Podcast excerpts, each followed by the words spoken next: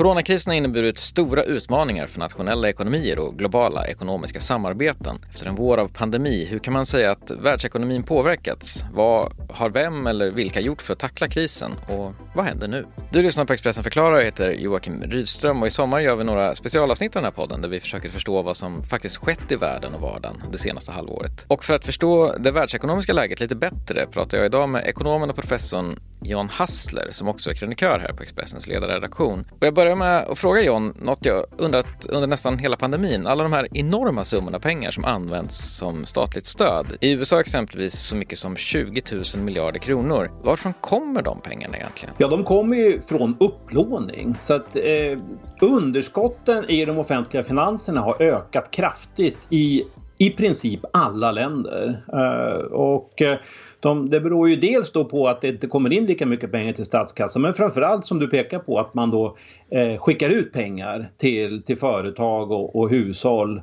Jättemycket pengar helt enkelt och det där lånas upp. Va? För man kan inte, det är ju inte vettigt att i det här läget höja skatterna för att få in pengar eller dra in det på annat sätt utan man lånar helt enkelt. Det som är lite speciellt med det här det är att man också från centralbankerna i de flesta länder, både i Sverige och ECB i, inom euroområdet och Federal Reserve i USA. Så de här skulderna då som staten har dragit på sig, de köps upp i stor utsträckning av centralbankerna. Och så att centralbankerna då köper de här obligationerna som folk har fått i utbyte när de har lånat ut pengar till staten och betalar med pengar. Nu för tiden är det ju inte pengar liksom i sedlar och mynt som man kan stoppa i madrassen utan det är ju form av konton då, eh, som, som, som bankerna har i slutändan hos centralbankerna. Sätt att uttrycka det här det är att man i stor utsträckning helt enkelt har tryckt pengar och använt det för att skicka pengar till företag och hushåll. Va? Och, och då tänker att normalt sett när staten lånar, ja. då, eh, som i Sverige, då, då ber man Riksgälden att låna upp pengarna. Mm. Och eh, då eh, får ju de som lånar ut pengarna, de får vad som brukar kallas en obligation. Och det, står, det är egentligen bara ett skuldebrev eh, där det står att eh, du som har det här skuldebrevet, du har lånat ut pengar till staten, du ska få så här och så här mycket ränta, nästan ingenting för närvarande och sen ska pengarna betalas tillbaks om ett antal år. Det är det normala sättet och så går man tillväga eh, i det här fallet också både i Sverige och, eh, och i USA. Men sen visar det sig att de här då som har de här obligationerna, de vill hellre ha pengar. Mm. Så då går de till centralbanken och frågar kan inte vi få pengar istället för de här obligationerna. Så man, man, man säljer obligationerna till eh, centralbankerna i stor utsträckning, inte allt, men, men en betydande del då. Och så får man pengar istället då. Mm. Så att i det normala fallet så hade ju de som har lånat ut pengar, och det är ju egentligen du och jag via våra pensionsstiftelser, suttit med då uh, det här skuldebrevet. Men nu har man växlat då i stor utsträckning det här eh, till pengar. Mm. Så, att vi, så att pensionsfonderna sitter då Istället för med massa obligationer så sitter man med, med en massa pengar som är då konton hos Riksbanken som man kan ta ut direkt om man skulle vilja och, och spendera. Och så har det skett också i, i, i USA och i euroområdet. Och, eh, och det här funkar ju då Eftersom de här som äger de här eh, pengarna då hos centralbanken, de vill inte spendera dem. Nej, utan okay. de tycker att det är, skönt, det är skönt att sitta med en stor likviditet. Alltså att man har tillgång till pengar på, hos centralbanken som man skulle kunna ta ut och använda om man skulle behöva. Och det känns mycket bättre då än att ha eh, obligationer för de kan liksom variera i pris och gå upp och gå ner och sånt där. Det känns lite mer osäkert. Så det säkraste tycker då de som har lånat ut pengar till staten för att finansiera alla de här paketen. De tycker att det är säkrast då att sitta istället med, med pengar, med likviditet. Och det funkar som sagt så länge länge som inte alla samtidigt bestämmer sig för att spendera de här pengarna och köpa varor för dem. För då, då drar inflationen iväg. Kan det hända? Det låter ju väldigt illa om det skulle bli så. Ja, det kan i princip hända, men det är inte så sannolikt för att det här har ju skett tidigare. Så här gjorde man också under finanskrisen. Eh, då gjorde man det lite sent så det blev lite skakigt och, och oroligt och många banker gick under och så vidare. Men, men då till, om man tittar på till exempel USA då, då ökade man, man brukar prata om centralbankens balansräkning då, som talar om liksom hur mycket pengar det finns ute egentligen i, i ekonomin och den, den ökade från kanske storleksordningen 1000 miljarder dollar till 2000 miljarder dollar snabbt under krisen. Under den här krisen så har det, ökat, så, så har det ökat från i storleksordningen 4000 miljarder till 7000 miljarder. Så det har faktiskt ökat mycket mer. Från en, en nivå som var mycket högre. Mm. Och, och skulle man då bestämma sig för att nej, nu är det världen, nu ska vi ha köpfest här. Då blir det inflation. Va? Och, mm. Eh, så det är det ena problemet med det här. Det andra problemet med det här är ju att staten, eller centralbanken inklusive Federal Reserve i USA, har inte bara köpt statsobligationer utan de har köpt andra saker också. Eh, de har gått in och köpt skuldebrev som företag har gett ut och riskabla tillgångar. Eh, och det där, det där är ju då, gör man då för att minska oron på den finansiella marknaden. Många liksom investerare tycker att nu är det läskigt att sitta på riskabla tillgångar. Kan, vi inte, kan inte någon annan ta den här risken? Jo, då har, då har centralbankerna gått in och sagt jo men vi kan ta, vi kan ta det här. Va? Och det är ju rätt i det här läget. För att i annat fall så skulle det riskera att bli en finanskris och börskrasch alltihopa. Men det är klart att i längden är det ju inte rimligt att det är centralbanken som sitter och bestämmer vilka företag som ska få lån och så vidare. Utan det där det måste ju marknaderna sköta. Och, men det har varit svårt. Det gick inte att komma ur det här efter finanskrisen. Man liksom lyckades egentligen aldrig sälja av de här tillgångarna i någon större utsträckning i varje fall. Även om det som sagt var rätt nu att, att centralbankerna gick in och köpte både företagsobligationer och statsobligationer så är det ju inte rimligt i, den, i, det, i det långa loppet att man sitter med alla de här tillgångarna och att det finns så mycket pengar ute i ekonomin. Men det får bli ett problem som vi får ta tur med senare. Och det låter som ett ganska stort problem att ta tur med ifall det här inte löser sig. För jag tänker alltså riskerar resultatet av det här bli att vi kastas in i en global finansiell kris? Är det dit vi är på väg nu eller ser det ljust ut? Nej, jag skulle säga att genom att man nu vet från finanskrisen hur man bör reagera när det blir sån här oro, nämligen att gå in och ta att staten via centralbanken går in och tar över risk och ser till att bankerna har tillgång till likviditet så att de kan låna ut till hushållen. Och då ser man till att det inte blir en finanskris i det korta perspektivet som det sannolikt hade blivit annars. Det, de här, det här agerandet som vi har lärt oss från tidigare finanskriser det gör att vi, vi vet nu att vi kan på det här sättet eh, undvika risken för en finanskris i det korta perspektivet. Men vi kan inte fortsätta så här hur som helst och vi måste komma ur den här situationen eh, lite senare. Och det vet vi inte riktigt hur vi ska göra. Det har vi inte lärt oss. Men om man skulle försöka sammanfatta lite övergripande så här, vilka stödinsatser som har gjorts. Alltså vilka är de stödinsatserna för att hålla nationella ekonomier igång då? Och hur har de hjälpt? Har de funkat på något sätt? Ja, så nu kommer vi då från det som vi pratade om tidigare var då liksom hur har eh, staterna fått tillgång till resurser. Exakt. Och det de har den här stora summan pengar, vad har de gjort ja. med dem? Liksom? Och nu ska vi prata om vad de använder det till då. Ja. och, och eh, de två delarna kan man säga som är de viktigaste. Det, det ena har vi faktiskt redan lite grann pratat om. För att genom att gå in och köpa de här riskabla till, som folk tycker är riskabla tillgångar. Då lugnas marknaden och då betyder det att bankerna kan fortsätta att låna ut. Räntorna på ditt och mitt bostadslån om vi har någonting, det drar inte iväg och alltihopa det där. Och det där har man gjort jättemycket. Och, eh, man har också, och det där är kanske särskilt viktigt i sig eh, inom euroområdet där det annars hade blivit jättestor kris för eh, Italien och, och, och, och, kanske Spanien och Frankrike då där, där folk hade börjat bli oroliga för att vi kommer aldrig få några pengar från de här obligationerna vi har lånat ut. Och då hade det liksom kunnat bli som i Grekland fast mycket värre för att mm. Italien och Spanien är mycket större länder och Frankrike då. Va? Så att hade det blivit som en Greklandskris för hela Sydeuropa då hade det rikt, gått riktigt illa. Mm. Så då har ECB gått in och köpt mycket av det här och sagt att blir ni oroliga, kom till oss. Vi, vi tar hand om risken. Så att, det är den ena grejen då som mm. man har gjort som, som har varit jätteviktigt.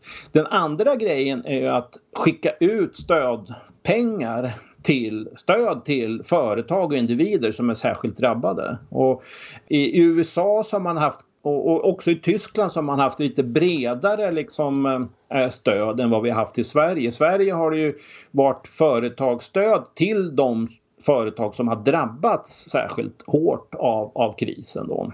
Och, sen, eh, eh och sen har man eh, förbättrat arbetslöshetsförsäkringar och så vidare. Det har man också gjort i USA. Uh, så det har varit en viktig del. Men så har man också i USA skickat ut checker i största allmänhet till alla, liksom pengar till alla. Mm, jag såg det, det var lite intressant eh, vägval. Ja. Alltså det är svårt att känna igen sig här i Sverige utifrån det vi gjorde här. Liksom. Det har vi inte tyckt att vi behöver här och Nej. jag tycker att det är rätt att inte göra så. Va? För att väldigt många, till exempel jag, har ju absolut inget behov. Jag, jag har samma lön som tidigare. Jag, riskerar, jag är statsanställd så jag riskerar inte att få någon, eh, bli arbetslös och så vidare.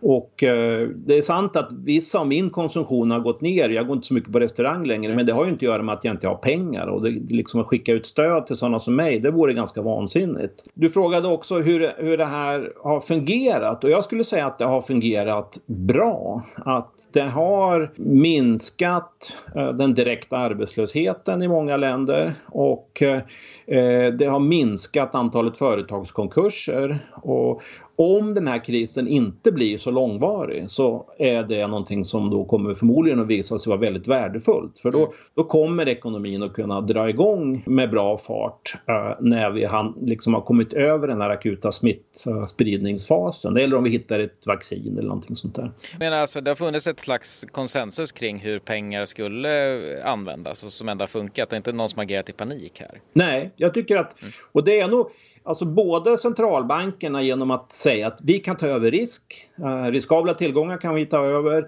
och regeringarna har sagt att vi måste stödja de företag och individer som drabbas. Det, har, det insåg man snabbt och man gjorde det liksom massivt. Va? Och det tror jag man får säga att det är mot bakgrund av, av um, lärdomarna från finanskrisen som man har gjort det här. Och det bekymret är egentligen bara att uh, det finns ju då en risk att det skapas liksom en eh, misstro mot huruvida vissa stater kommer liksom att kunna klara de här stora skulderna i framtiden. Och, och det har man klarat hittills då genom att centralbankerna, till exempel eh, ECB har sagt att man eh, då går in och, och, och, och blir oroliga kom till oss. Men, det, men som sagt det där funkar ju inte i, i längden va? utan vi måste på något sätt hitta ett system så att ehm, eh, alla länder har liksom rimliga storlekar på sina statsskulder. Men det, det, är ett problem som vi får ta itu med senare tycker jag. Det, det, det är inte rätt att nu liksom säga till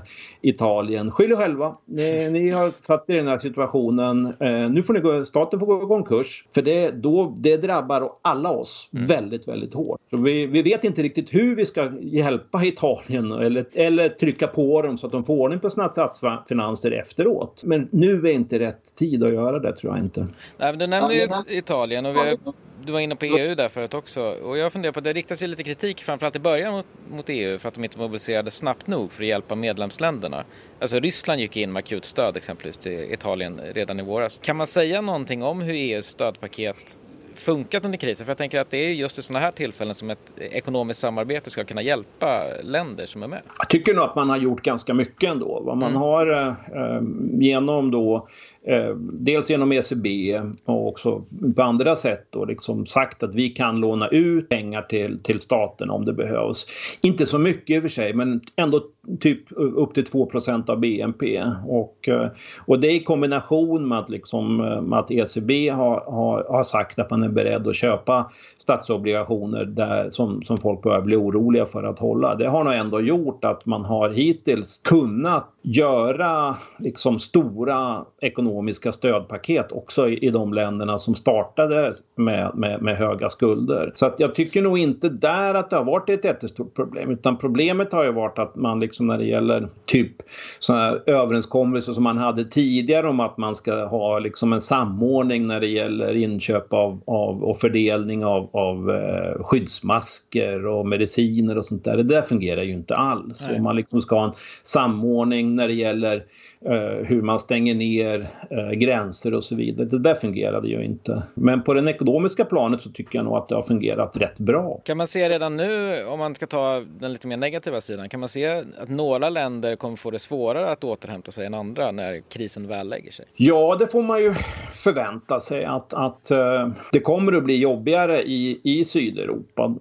Och där har ju och det är ju för att man hade dels ändå en, en svårare ekonomisk situation från början med, med, stor, med en stor statsskuld och så vidare som nu kommer att öka mycket. Mm. Sen har man ju också drabbats hårdare eftersom tjänstesektorn då eh, som har drabbats väldigt mycket i, överallt. Det är liksom en betydligt större del av, av ekonomin. I, jag skulle tro att liksom, turistsektorn är kanske en, en 12-13 procent av ekonomin i Spanien och Italien men i Tyskland är den kanske 2-3. Mm. Eh, så, att, så och den har ju då till skillnad från finanskrisen drabbats särskilt hårt nu då. Så att de, det, får ju, det blir ju jobbigare. Å andra sidan kan man väl säga att möjligen så är den här sektorn lite mer, um, vad ska man säga, flexibel än stora eh, exportföretag. Så liksom skulle Volkswagen gå i konkurs va? och då, då är det ju väldigt svårt att bygga upp Volkswagen igen. Va? Men om ett antal restauranger har gått i konkurs så är det klart att det är lättare att bygga upp dem och få, få fart på det igen. Va? Så att jag skulle tro ändå att det, det kanske inte behöver bli så allvarligt på sikt uh, i, i, i de här länderna ändå. Hur tycker du att Sverige klarar sig under krisen då?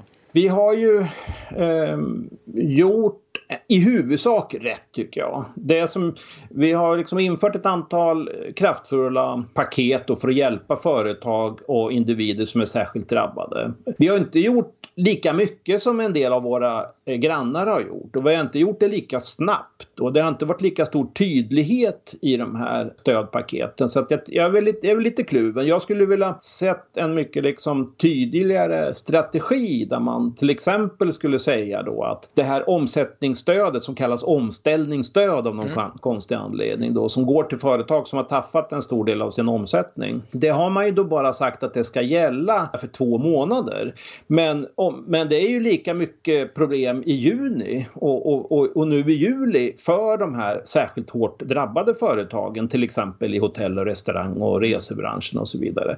Och det finns liksom ingen tydlighet om hur länge det här ska, de här, hur länge man ska hjälpa företagen och vad som kommer sen och så vidare. Och det där skapar en, en betydande osäkerhet hos företag som är hårt drabbade och som kanske minskar liksom viljan att kämpa för att ha sitt företag för att få sitt företag att överleva. Eller inte viljan men liksom att man måste ändå känna att det finns förutsättningar och då skulle man gärna vilja se att regeringen är tydligare med att säga att ja men så länge den här stöd, stöden behövs då kommer vi att ge stödet. Men vi kommer successivt om krisen håller på länge att ställa mer och mer krav på att ni måste liksom anpassa verksamheten och kanske låta er personal göra andra saker och mm. kanske gå över tillfälligt och jobba i andra sektorer och så vidare. Så att en sån tydlig strategi som inte omfattar bara vad man gör just nu, det skulle kunna minska osäkerheten och det hade varit jättebra i den här tiden när det finns alldeles för mycket av osäkerhet ändå. Mm. Så, att,